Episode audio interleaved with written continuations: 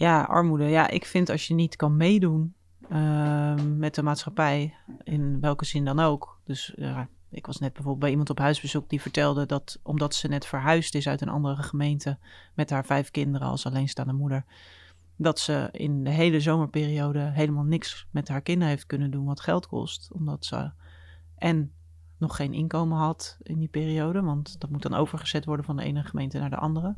Dus dan leef je van voorschot naar voorschot. En uh, geen enkele ruimte had om dus iets van een leuk uitje te ondernemen. Ja, dat vind ik echt armoede. Maar ook als je werkt en, en maar werkt en werkt en werkt. En uh, eigenlijk al je geld uitgaat naar het betalen van je vaste lasten en je schulden. Waardoor je ook geen ruimte hebt om nou ja, mee te kunnen doen, zeg maar. Dat noem ik armoede, ja. Ja, wat ik ook onder armoede versta is dat mensen eigenlijk de hele dag onder de stress staan van alles wat ze moeten en niet moeten.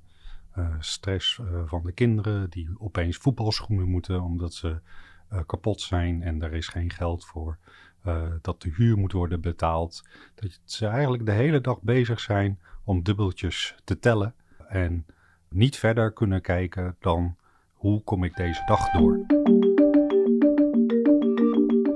Je hoort Marloes van der Poel, lid van het Sociaal Wijkteam Merenwijk, en Edwin Stenneke van de Stadsbank, die samenwerken in de snelle hulp bij schulden.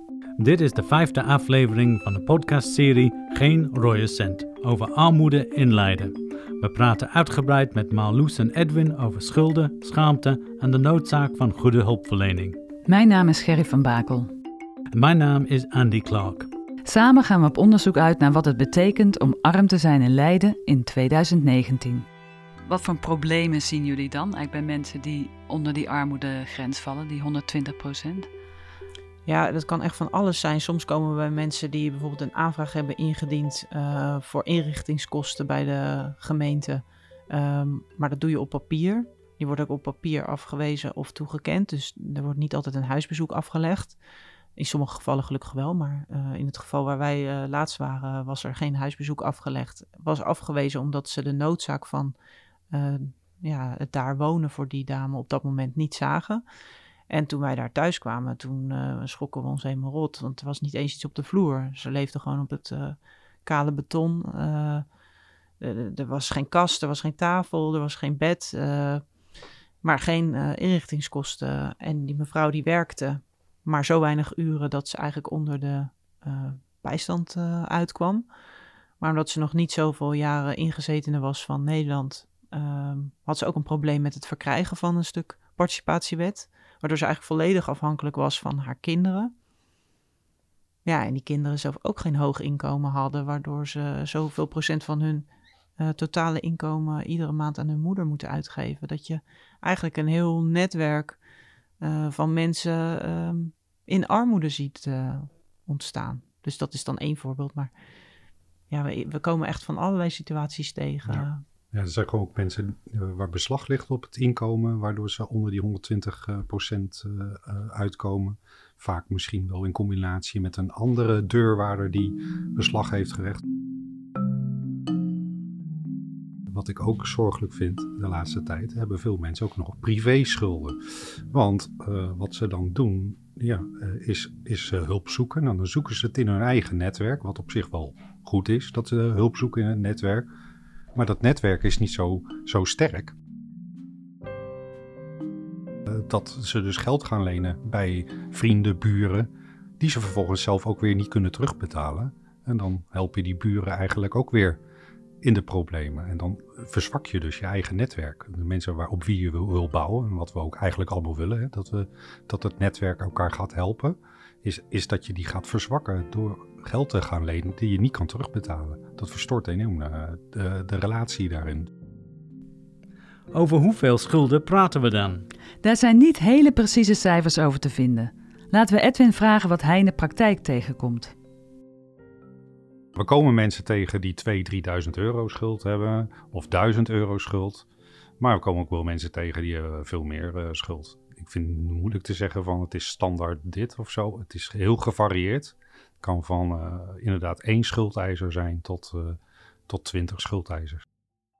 Een van de grootste schuldeisers is vaak de overheid en meer specifiek de Belastingdienst. Te veel betaalde toeslagen die weer terugbetaald moeten worden van geld dat er niet meer is. Van het bekende motto: leuker kunnen we het niet maken, maar wel gemakkelijker, klopt dat tweede deel vaak niet. Edwin komt schrijnende gevallen tegen. Wat ik nu een paar keer heb meegemaakt, is dat mensen dus in het, uh, te veel uh, toeslagen hebben gehad over een bepaald uh, tijdstip. en dat moeten ze dan terugbetalen het jaar erop. En dan hebben ze nog steeds wel recht op die toeslagen.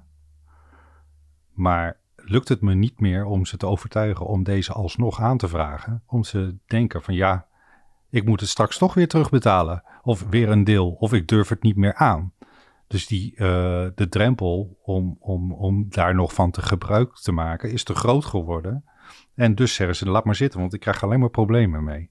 En dat is ook niet wat we willen, denk ik. Een inkomen uit alimentatie is ook lastig. De belasting houdt daar ook een deel van in. En volgens Marloes leidt dat tot veel frustraties.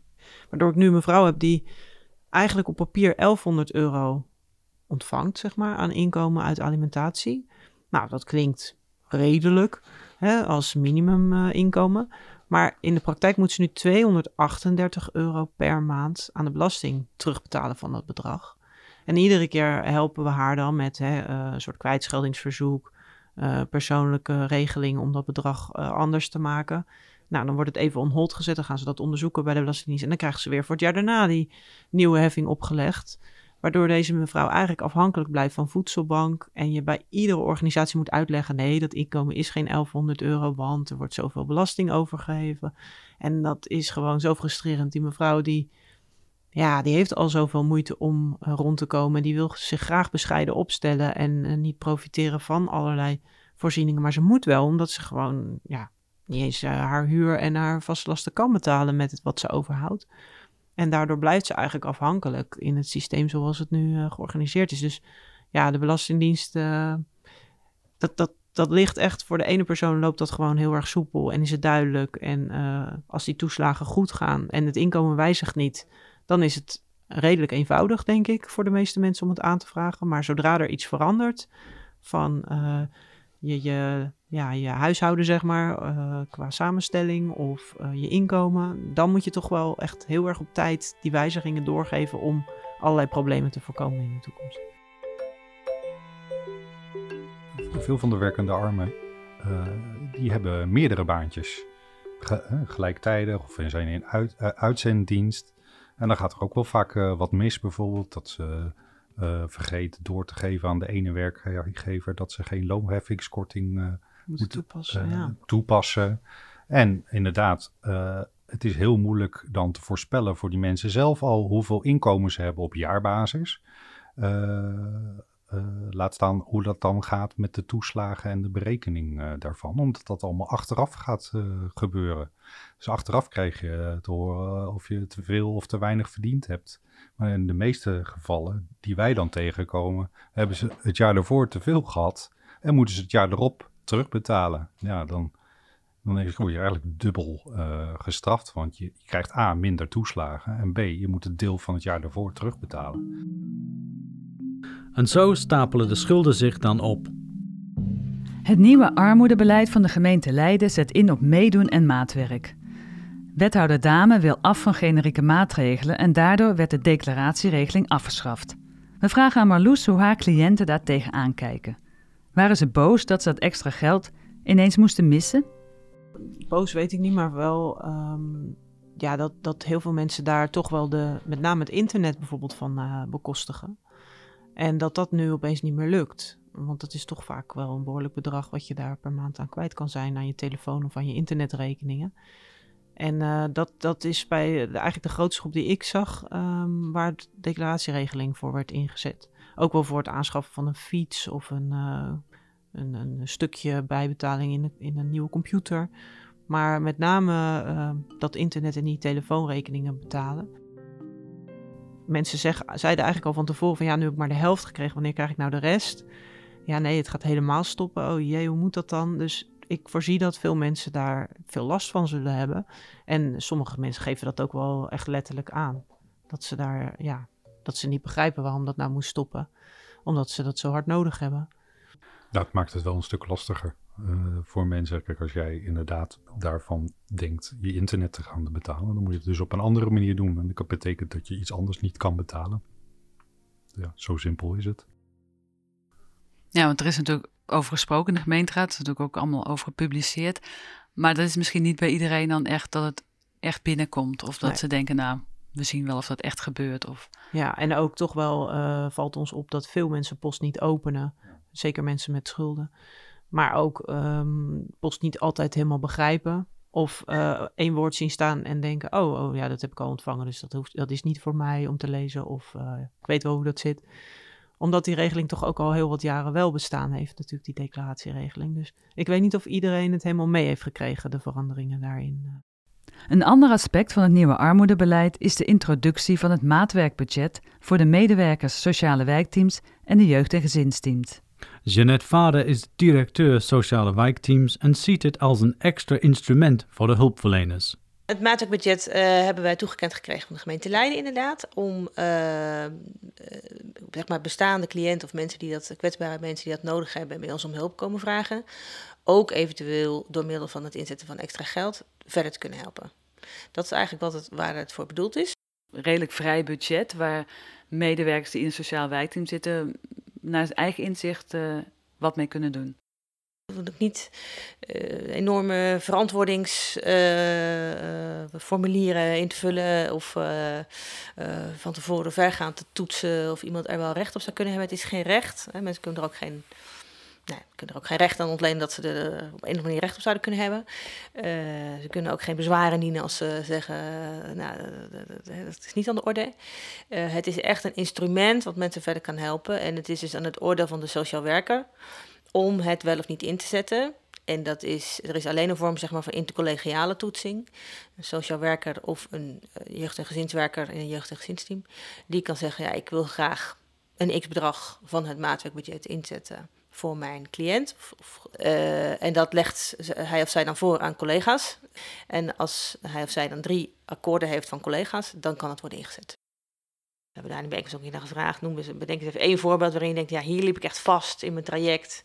Dat er geen middelen waren waarmee ik het huishouden, gezin verder kon helpen. Of ik ben weken bezig geweest om het voor, te om elkaar te krijgen. En dat had me zoveel tijd gesteld als ik het gelijk had kunnen uitkeren.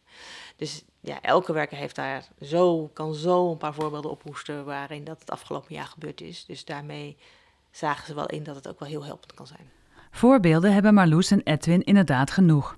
Zoals een gezin dat leerlingenvervoer nodig had voor een kind met een beperking, maar net niet voldeed aan de voorwaarden van de bestaande regeling.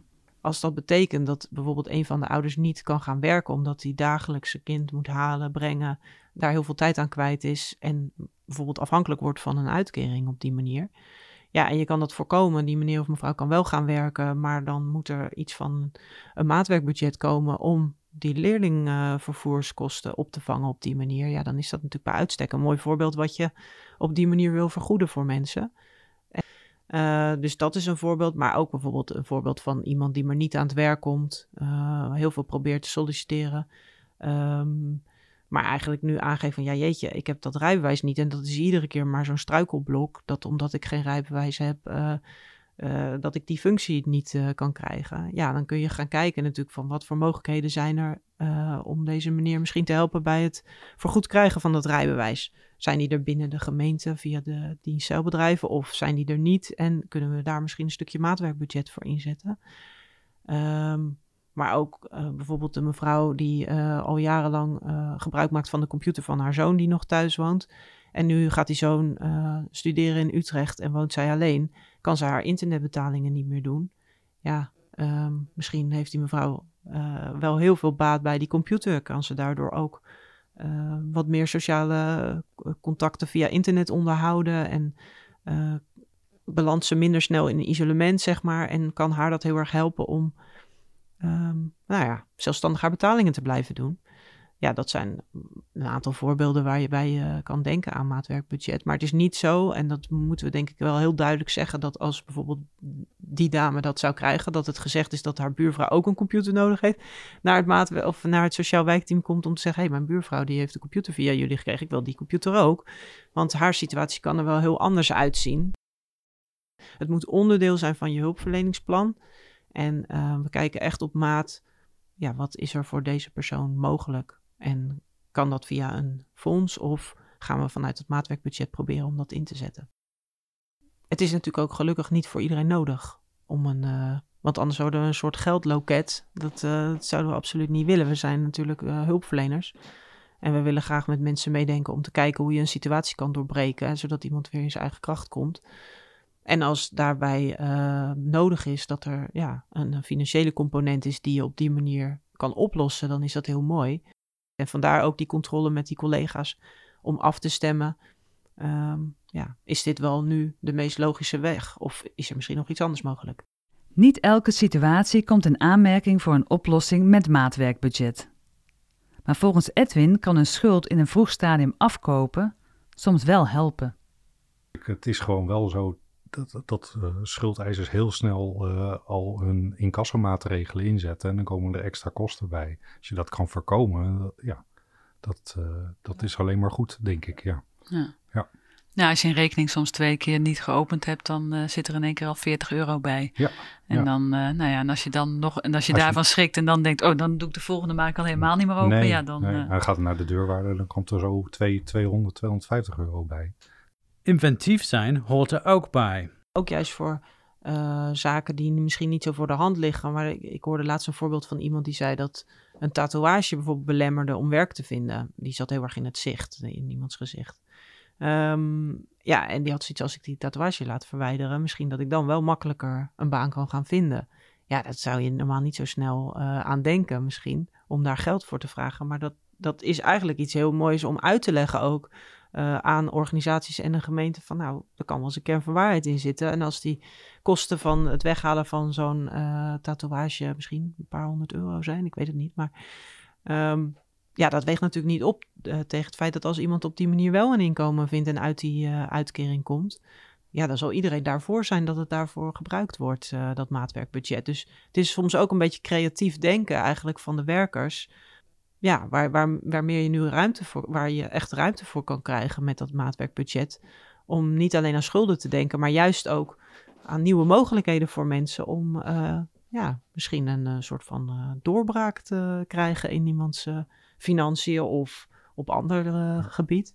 Ja, een doorbraak kan uh, heel simpel zijn. Ik heb een jaar geleden een situatie gehad met een meneer en die kon de post niet lezen. En dus ook niet de rekeningen lezen. En, nou ja, dan denk je van ja, misschien is die analfabeet of lukt het niet. Maar bleek nu, hij heeft al jaren geen geld om een nieuwe bril te kopen. Hij kon gewoon letterlijk de post niet lezen. Hij kon niks meer lezen, want er was een sterkte achteruit uh, gegaan.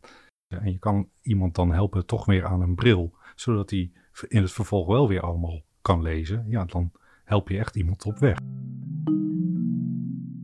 Mooie voorbeelden van hoe het maatwerkbudget de hulpverleners extra middelen geeft om mensen vooruit te helpen en een doorbraak te realiseren. Maar wat vinden zij van het nieuwe armoedebeleid? Gaat het echt een verschil maken? Nou, een beetje gewetensvragen. nee, ja. Kijk, uh, ik snap dat er keuzes gemaakt moeten worden om uh, bepaalde regelingen te stoppen. Alleen ik hoop dat het geld bij de goede mensen terechtkomt. Want um, ja, ik vraag me af of alle mensen die het het hardst nodig hebben ook binnen de hulpverlening zichtbaar zijn. En um, dat ook alle hulpverleners signaleren dat er misschien uh, hulpvraag uh, is die helemaal niet gaat over financiële component, maar waar blijkt dat er eigenlijk heel hard iets nodig is. Um, en dat het dan ook uh, bijvoorbeeld via het maatwerkbudget wordt ingezet. Of via middelen vanuit leergeld of uh, vanuit andere organisaties. Dat er gewoon goed breed wordt nagedacht en gekeken waar mogelijk ja, mensen ondersteuning uh, moeten krijgen. En dat het dan ook bij de juiste mensen terechtkomt. Dus ja, wat vind ik van dat hele nieuwe armoedebeleid? Ja, Um, ik snap de keuze, maar uh, ik voorzie ook wel enige problemen bij mensen die niet zo assertief zijn en die niet snel naar hulpverlening toestappen, dat het moeilijk wordt om te krijgen wat er nodig is. Voorlopig hebben wij gewoon genoeg klanten, helaas, om mee aan de slag te gaan. Want er is gewoon best wel veel armoede achter de deur. Dus ik hoop uiteindelijk dat we een keer echt kunnen ja, doorpakken, zodat we iedereen eruit kunnen krijgen. Want het is gewoon, denk ik, een onderschat probleem. Armoede en schulden. Daar, daar moet echt hard werk van gemaakt worden. Willen we daar echt iedereen uit krijgen.